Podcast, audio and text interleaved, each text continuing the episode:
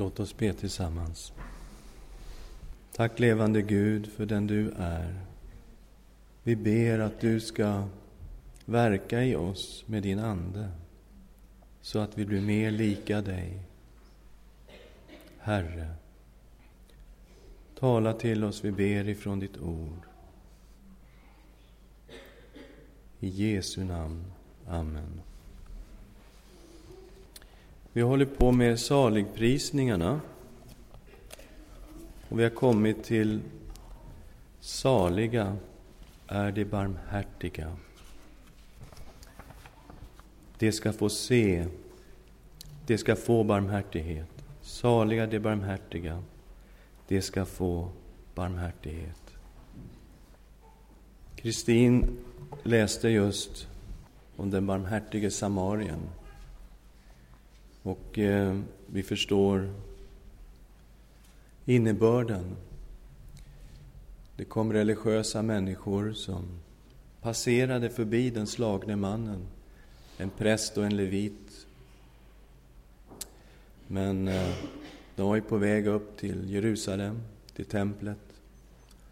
De ville inte bli orenade, ville inte befatta sig med den här mannen. De steg åt sidan istället för att slippa komma för nära så att de skulle kunna orenas. Hon visade ingen barmhärtighet. Det var viktigt för dem att uppfylla lagen. Man hade glömt att det viktigaste i lagen var just barmhärtighet.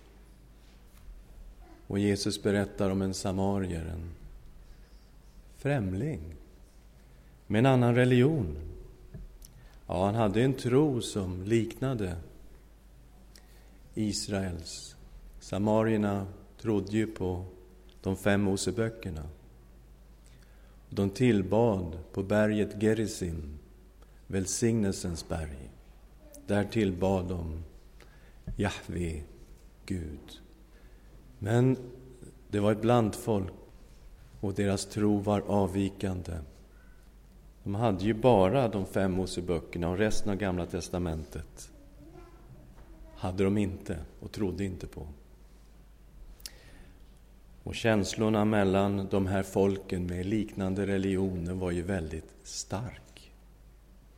Och tänk att Jesus tog en samarier när han berättade om kärleksbudet att älska sin nästa som sig själv.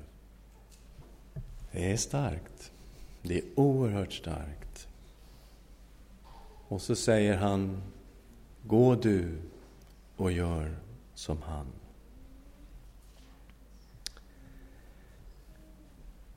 Barmhärtighet, vad innebär det? Och det innebär verkligen kärlek som kostar någonting. Att förbarma sig över andra människor som är i behov, som är i nöd som behöver hjälp. Det handlar om att älska sin nästa som sig själv. Saliga är de barmhärtiga. De ska få barmhärtighet. Här finns det ju ett löfte till den som är barmhärtig att man själv ska få barmhärtighet. Det är inte särskilt klart hur den här barmhärtigheten betalas tillbaka. Av vem? Man kanske inte ens får ett tack. Man kanske blir helt utnyttjad. Av vem ska man då få barmhärtighet? Av Gud? Absolut av Gud. Saliga är de barmhärtiga, de ska få barmhärtighet. Vid den sista domen kommer att ställas frågor som har att göra med barmhärtighet. Barmhärtighet är någonting som ska följa Guds folk, känneteckna Guds folk. Gud är barmhärtig. Och de som kallar sig Guds barn ska ha det här kännetecknet att de är som Gud. De är också barmhärtiga. Och vid den sista domen som vi läser om i Matteus 25, med början i vers 31, står det så här. När Människosonen kommer i sin härlighet och alla änglar med honom, då ska han sätta sig på sin härlighets tron. Och alla folk ska samlas inför honom, och han ska skilja dem från varandra, som en herde skiljer fåren från getterna. Och fåren ska han ställa på sin högra sida och getterna på den vänstra. Då ska konungen säga till dem som står på hans högra sida. Kom, ni min faders välsignade, och ta i besittning det rike som har stått färdigt åt er från världens begynnelse. Ty jag var hungrig, och ni gav mig att äta jag var törstig och ni gav mig att dricka. Jag var främling och ni tog emot mig. Jag var naken och ni klädde mig. Jag var sjuk och ni besökte mig. Jag var i fängelse och ni kom till mig. Då ska de rättfärdiga svara honom, Herre, när såg vi dig hungrig och gav dig att äta, eller törstig och gav dig att dricka? Och när såg vi dig vara främling och tog emot dig? Eller naken och klädde dig? Och när såg vi dig sjuk eller i fängelse och kom till dig? Då ska konungen svara dem, amen säga er, allt vad ni har gjort för en av dessa mina minsta bröder, det har ni gjort mot mig. Så ska han säga till dem som står på den vänstra sidan, gå bort ifrån mig, ni förbannade, till den eviga elden som är beredd åt djävulen och hans änglar. Ty jag var hungrig, och ni gav mig inte att äta. Jag var törstig, och ni gav mig inte att dricka. Jag var främling, och ni tog inte emot mig naken och ni klädde mig inte, sjuk och i fängelse och ni besökte mig inte. Då ska de svara, Herre, när såg vi dig hungrig eller törstig, eller som främling eller naken eller sjuk eller i fängelse och tjänade dig inte? Och ska han svara dem, Amen säger jag er, allt vad ni inte gjort för en av dessa minsta, det har ni inte heller gjort för mig. Och dessa ska gå bort till evigt straff, men de rättfärdiga till evigt liv. Väldigt stark text. Skakande text. En väldigt känd text. Flera saker ser vi i den här texten. Jesus ska komma tillbaka. Och det kommer att bli en dom över världen. En dom bland folken. Alla folk kommer att beröras av domen. Det ser vi. Vi ser också att det kommer att bli en åtskillnad. Några kommer att gå in i härligheten, några kommer gå bort till evigt straff. Det kommer att bli en skilsmässa. Om ni har läst C.S. Lewis bok Den stora skilsmässan, handlar just om detta. Två utgångar, en ingång i, i livet, men det är två utgångar. Den dubbla utgången. Den stora skilsmässan.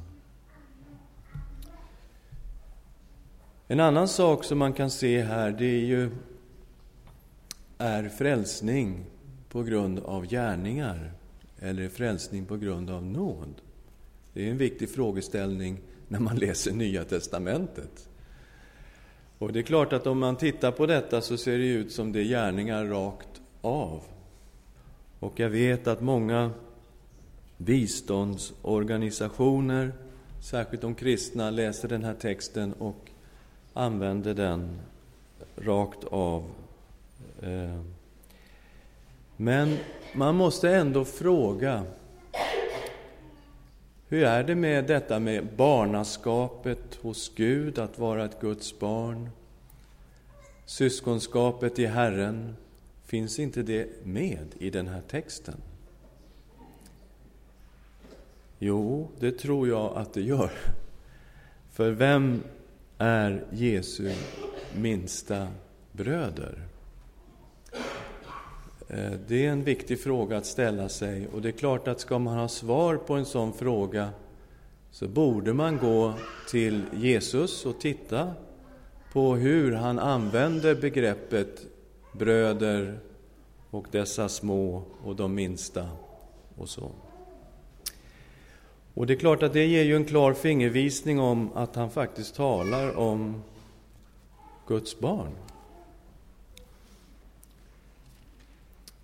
Nu får jag väl Läkarmissionen nu, men jag ser att Rune börjar koka där nere. Men, uh, mm. ja, jag ska läsa några bibelställen. Matteus 10, vers 40. Den som tar emot er tar emot mig. Den som tar emot mig tar emot honom som har sänt mig. Det handlar om lärjungarna. Jesu lärjungar, som tar emot en av Jesu lärjungar, tar emot Jesus. I vers 42. Och den som ger en av dessa små en bägare friskt vatten att dricka därför att det är en lärjunge. Amen, säger jag er, han ska inte gå miste om sin lön. Genomgående när Jesus talar om dessa små, så handlar det om dessa som har blivit som barn, som tror på honom, lärjungarna. Kapitel 12 av Matteus, vers 46. Medan Jesus ännu talade till folket stod hans mor och hans bröder utanför och ville tala med honom. Någon sa då till honom, din mor och dina bröder står här utanför och vill tala med dig. Han svarade, vem är min mor och vilka är mina bröder? Och han räckte ut handen mot sina lärjungar och sa, här är min mor och mina bröder. Var och en som gör min himmelske faders vilja är min bror och min syster och min mor. När Jesus talar om barnaskap hos Gud, då är det kopplat till personlig tro och efterföljelse av honom. När Jesus talar om syskonskapet, den kristna familjen, då är det Guds barn det handlar om och det är genomgående hos Jesus. Efter uppståndelsen i Johannes kapitel 20, den första som Jesus visar sig för är Maria från Magdala. Och han säger till henne i kapitel 20 av Johannes, vers 17. Jesus sa till henne, rör inte vid mig, ty jag har ännu inte farit upp till Fadern. Men gå till mina bröder och säg till dem att jag far upp till min fader och er fader, till min Gud och er Gud.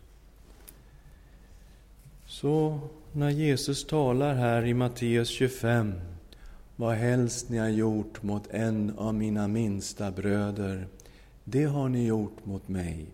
Så är det ett språk som går rakt igenom evangelierna, men det handlar faktiskt om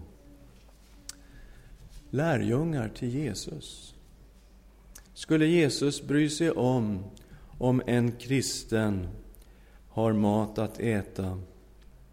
Om en bror eller syster är törstig, naken och inte har kläder. Om en troende är sjuk, om det finns någon som sitter i fängelse förföljd för Jesus skull, skulle han bry sig? Absolut. han skulle bry sig. Vad helst när ni har gjort för en av dessa mina minsta bröder, det har ni gjort för mig. Saliga är de barmhärtiga, de ska få barmhärtighet. Nu har Jesus lärt oss mycket noga att vi ska älska vår nästa som oss själva. Och kärlek och barmhärtighet är syskon. De hör ihop. Det är i stort sett samma sak att älska sin nästa som sig själv och att vara barmhärtig. Och i Lukas kapitel 6 förklarar Jesus vad han menar med kärleksbudet. Hur långt kan det sträcka sig? Var ligger de bortre gränserna för kärleksbudet? Att älska sin nästa som sig själv. Hur långt ska vi sträcka oss? Men till er som lyssnar säger jag, älska era fiender. Gör gott mot dem som hatar er. Välsigna dem som förbannar er och be för dem som förorättar er. Om någon slår dig på ena kinden, så vänd också den andra kinden till. Och någon tar ifrån dig manteln, så låt honom ta din livklädnad. Ge åt var och en som ber dig. Om någon tar ifrån dig vad som, från dig vad som är ditt, så kräv det inte tillbaka. Allt vad ni vill att människor ska göra er, det ska ni göra dem. Om ni älskar dem som älskar er, ska ni ha tack för det. Också syndare älskar dem som visar dem kärlek. Om ni gör gott mot dem som gör gott mot er, ska ni ha tack för det. Så handlar också syndare. Men om ni lånar ut åt dem som ni hoppas skall betala tillbaka, ska ni ha tack för det. Också syndare lånar åt syndare för att få tillbaka vad de lånat ut. Nej, älska era fiender. Gör gott och ge lån utan att hoppas få igen något. Då, då då, då ska er lön bli stor och ni ska vara den Högstes barn eftersom han är god mot de otacksamma och onda. Okej, okay. saliga är de barmhärtiga, de ska få barmhärtighet. Men man kanske inte ens får tack. Man kanske till och med blir förföljd. Man kanske blir förbannad. Kan ni tänka er det? Kanske till och med förbannad. Vad gör vi då? Älska din nästa som dig själv. Visa kärlek. Älska fienderna. Välsigna dem. Be för dem. Ge åt dem. Var barmhärtig. Var barmhärtiga så som er fader är barmhärtig. Sådan Gud, sådana barn. Det är en genomgående tanke i Bibeln. Gud skapade människan till sin avbild. Och eftersom Gud är barmhärtig så är det något som ska känneteckna hans barn, att vara barmhärtiga. Och det kan ju hända då att vi inte får någon barmhärtighet tillbaka här i livet. Men hur var det med vår älskade Herre Jesus. Han var barmhärtig.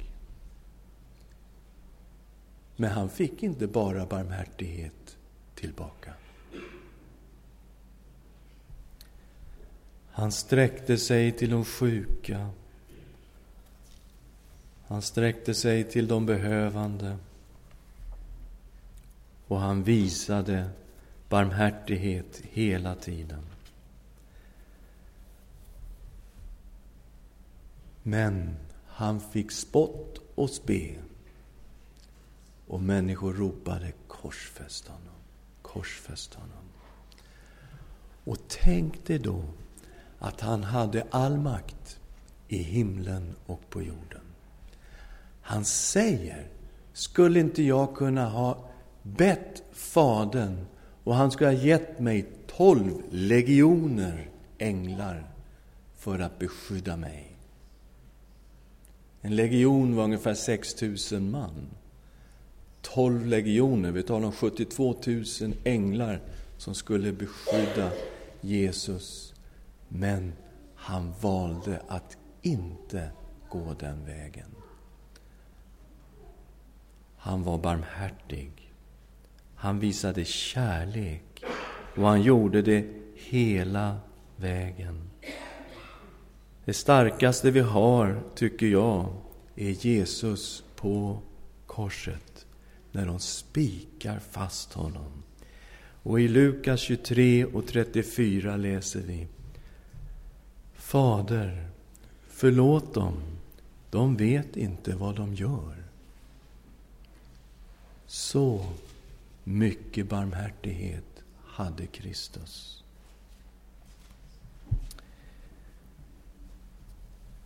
Saliga är de barmhärtiga. De ska få barmhärtighet. Låt oss pröva. Varför inte? Vi går ut i världen och vi är barmhärtiga. Vi tittar på Gud. Oj, han är så barmhärtig. Han har förlåtit mig alla mina synder. Han har visat mig så mycket kärlek. Låt oss titta på honom och säga, oj, han vill att vi ska likna honom. Och så visar vi barmhärtighet. Men tänk om vi inte får tack, vad gör vi då? Vänd den andra kinden till och visa barmhärtighet ändå. Jag lovar dig, Gud ser det. Gud ser det. Saliga är de barmhärtiga, de ska få barmhärtighet. Låt oss be tillsammans.